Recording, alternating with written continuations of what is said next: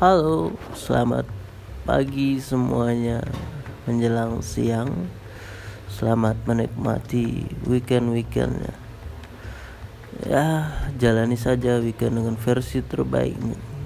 Mau jalan-jalan ke pantai, gunung, kongko teman-teman, atau menikmati kasur saja, it's not a problem just doing the best what we can do for this weekend.